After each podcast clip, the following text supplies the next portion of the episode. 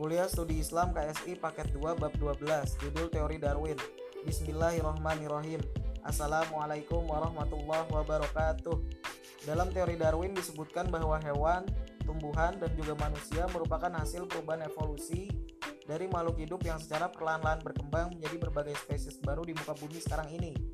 Bahkan dalam teori ini dinyatakan bahwa asal-usul manusia berasal dari kera yang berevolusi menjadi manusia. Teori ini adalah kesesatan yang banyak disebutkan dalam buku-buku pendidikan, khususnya di pendidikan umum. Teori ini juga didoktrinkan ke berbagai penjuru dunia dan telah mempengaruhi pemikiran dan kepercayaan sebagian manusia di dunia.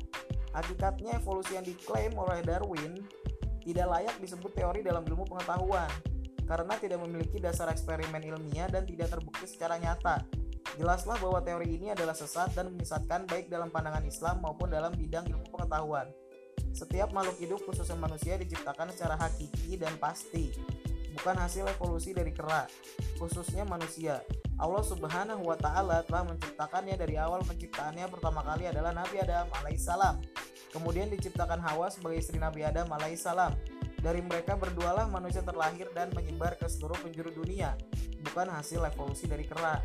Barang siapa yang meyakini dan membenarkan teori Darwin ini, maka ia telah keluar dari Islam karena mengingkari dalil Al-Quran dan hadis sahih yang menyebutkan dengan pasti bahwa manusia adalah keturunan Nabi Adam alaihissalam sebagai manusia pertama yang diciptakan Allah Subhanahu wa taala secara langsung tanpa proses kelahiran terlebih dahulu. Media Lembaga Studi Islam, website lchasmi.com, Facebook, facebook.com slash lcmedia, telegram, ten.me, garis miring lembaga studi Islam. Instagram instagram.com garing lcmedia.id garing.